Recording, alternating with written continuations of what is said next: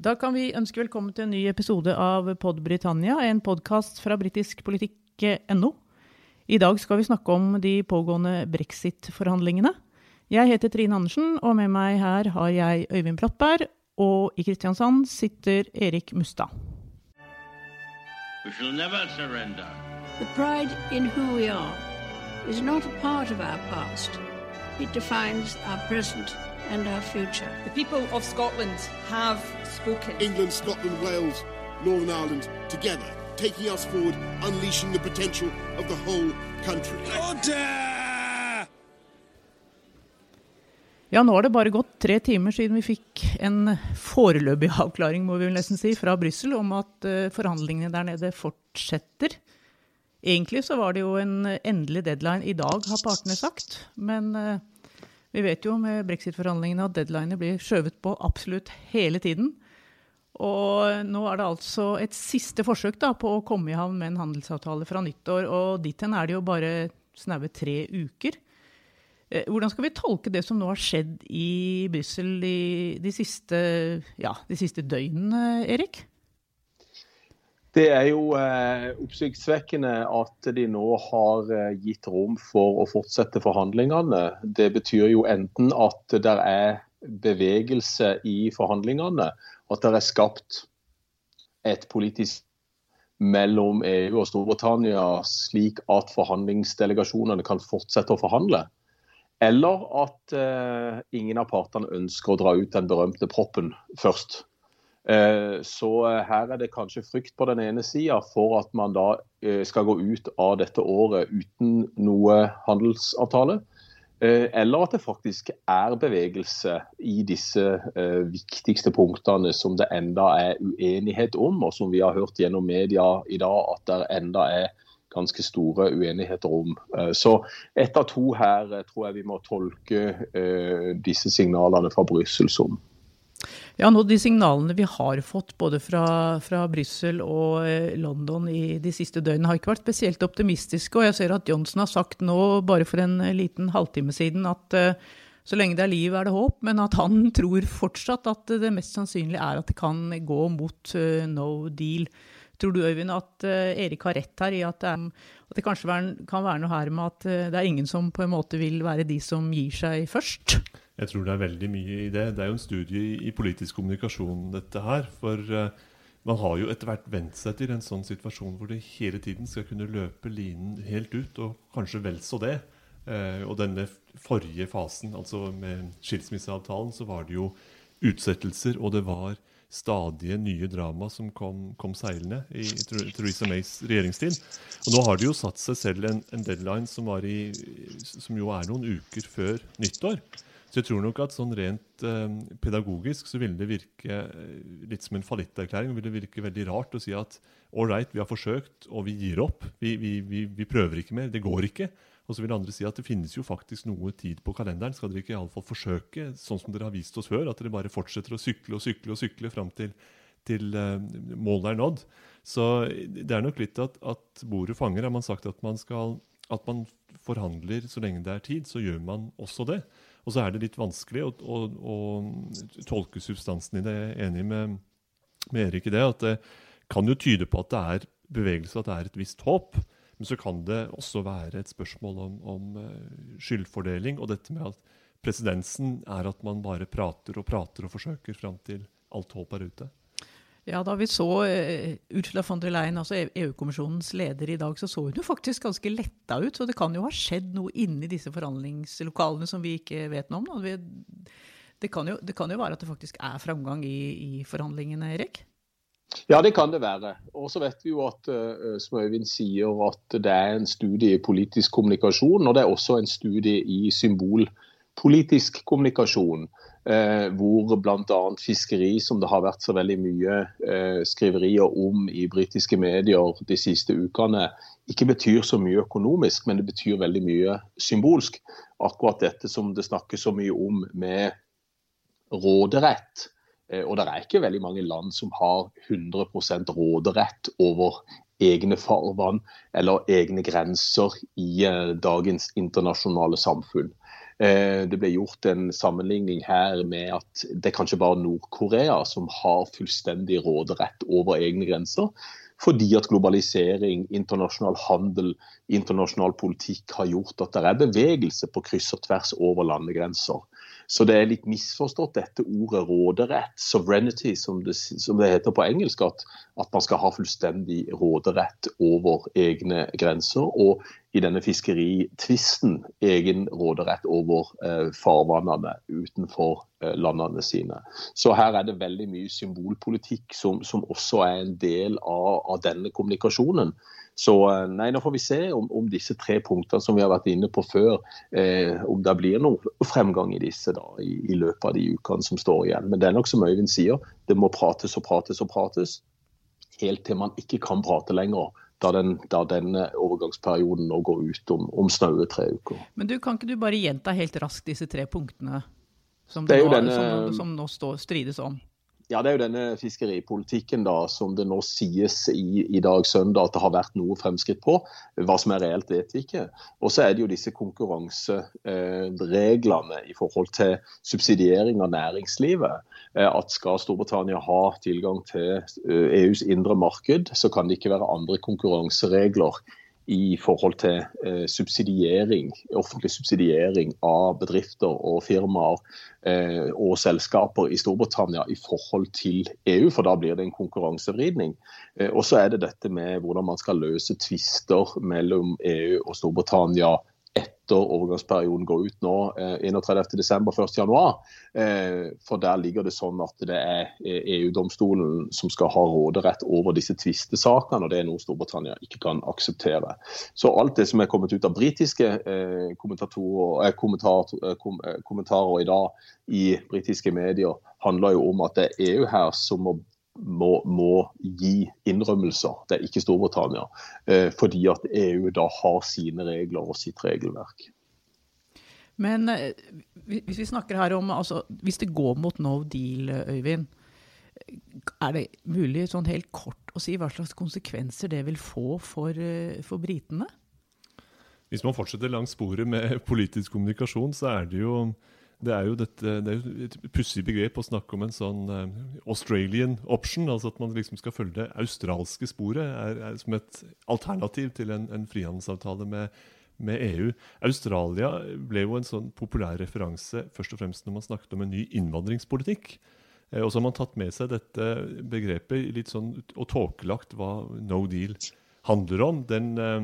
Australia-planen der handler jo rett og slett om det å handle sammen uten noen eh, fungerende avtale, utover det de grunnvilkårene som eh, medlemskap i Verdens handelsorganisasjon tilbyr. Og det er skrale vilkår hvis man forholder seg til en handelspartner som har nesten halvparten av ens eksport og import.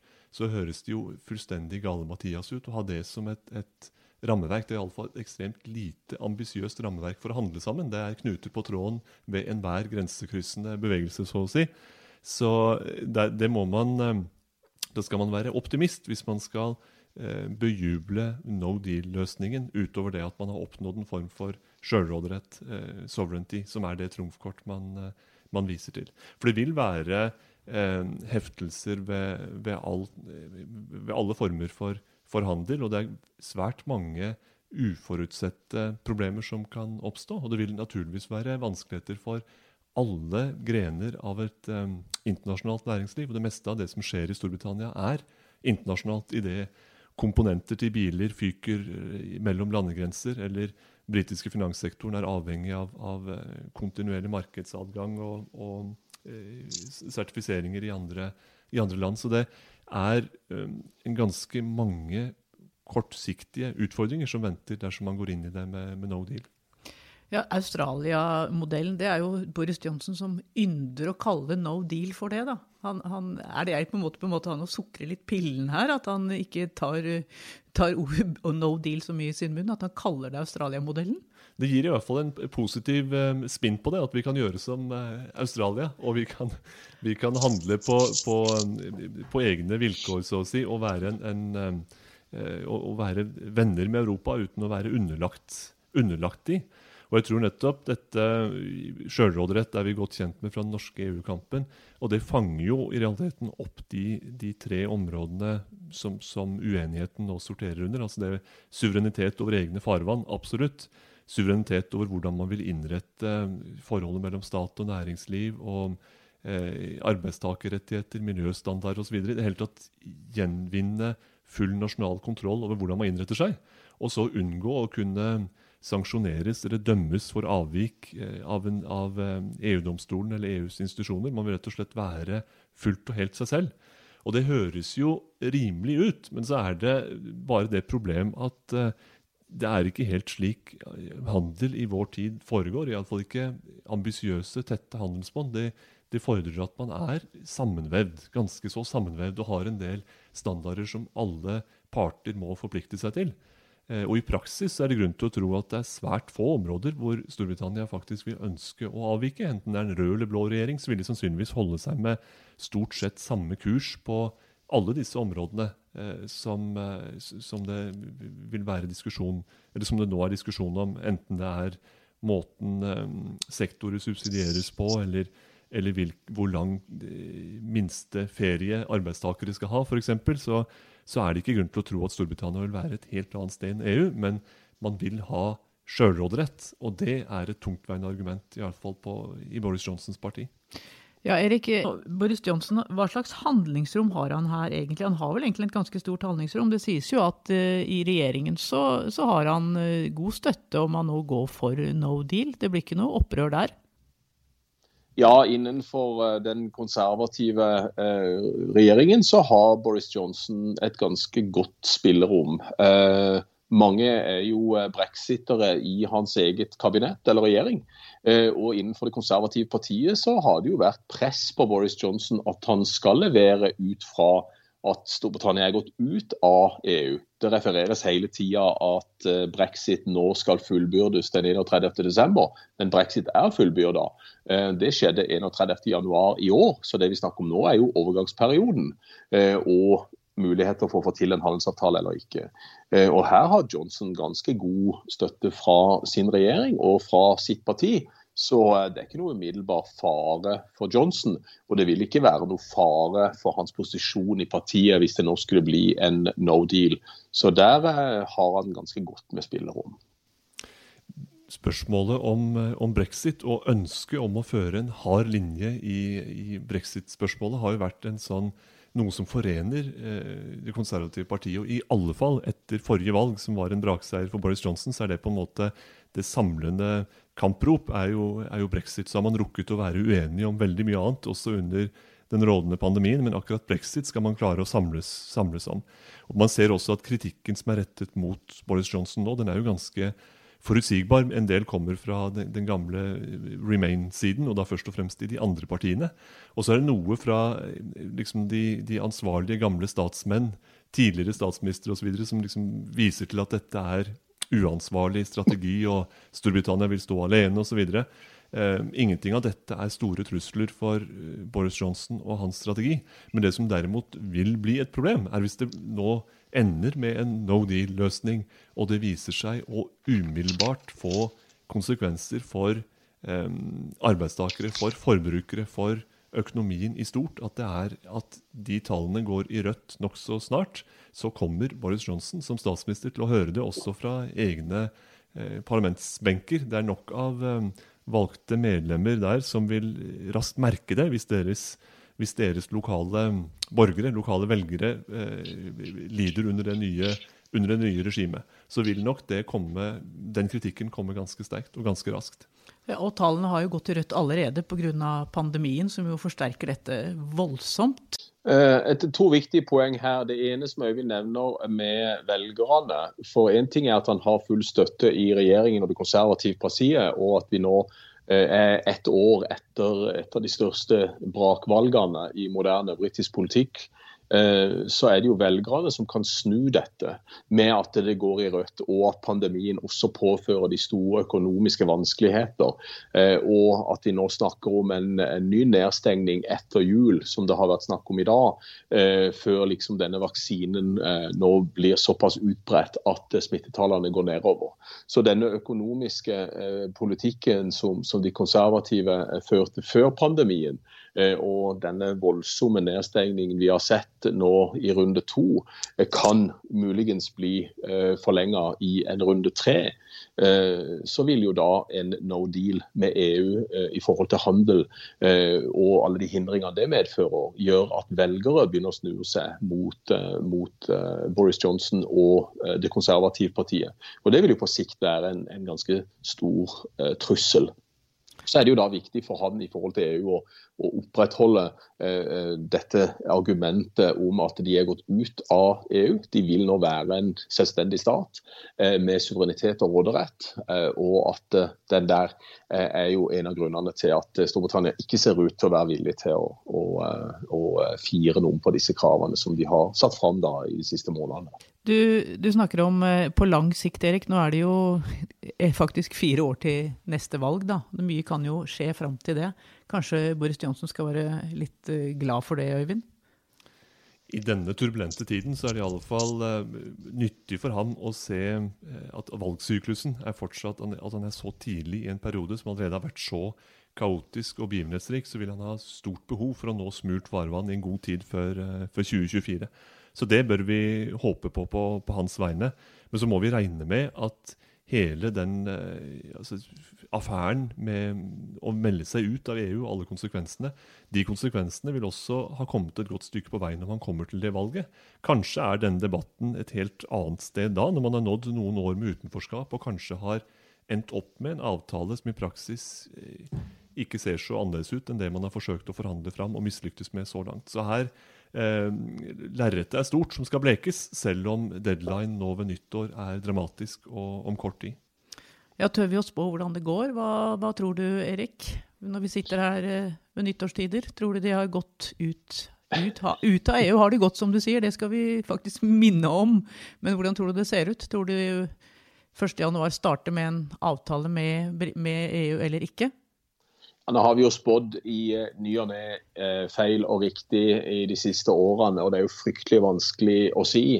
Eh, det jeg så i dag i formiddag her, var at 80% av de som stemte brexit, ønska å få til en avtale. Og bare 20% av de såkalte harde brexiterne som ikke ønska en avtale. Nå lå der en del meningsmålinger i forhold til hva britene trodde kom til å skje i løpet av de siste ukene at uh, kanskje noen uh, av disse 20-30 prosentene som da trodde det ble uh, en avtale, enda tror det blir en avtale. Og så er det da en, en 70-80% som ikke tror det blir en avtale. Og jeg, jeg, tror at så lenge det er forhandlinger på gang, så lenge det er tid igjen, så må en håpe på at det blir en avtale. Men det er vanskelig å si. jeg er ikke så veldig optimistisk fordi at vi er på de samme punktene enda som vi har vært på de siste månedene. Så eh, jeg tror det skal mye til eh, for at det blir en avtale. Men så lenge folk snakker sammen, eh, politisk kommunikasjon foregår, så er det håp om at det kan skje noe mot slutten. Er du enig i det, Øyvind? Det har jo et litt sånt eh, tragikomisk skjær, dette her. fordi jeg er heller ikke overbevist om at det kommer noen absolutt ikke overbevist om at det kommer noen avtale. Det kan man jo ikke være etter å ha sett eh, reaksjonene i dag. Det kan være at dette ebber ut med, med no deal. Eh, men i så fall så vil det være et enormt prestisjenederlag for begge sider. Det vil skape et surt eh, klima for, for, veien videre. Store vanskeligheter overfor Irland, som vi ikke har snakket så mye om, men som vil være en, mm. en egen problemstilling av, av voldsomt omfang.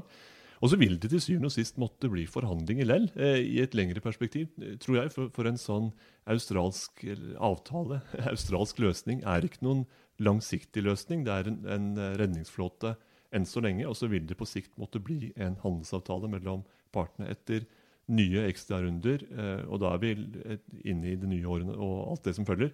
Men det er et spørsmål om tid før man klarer å komme fram til noe som kan fungere. Så med andre ord, vi kommer til å snakke mye om brexit i flere podkaster framover. Det tror jeg vi har brukt eh, fire og et halvt år i likhet med britene på å fordøye det som skjedde den sommeren eh, 2016. Og den fordøyelsen tror jeg vil vare ved eh, videre inn på 2020-tallet.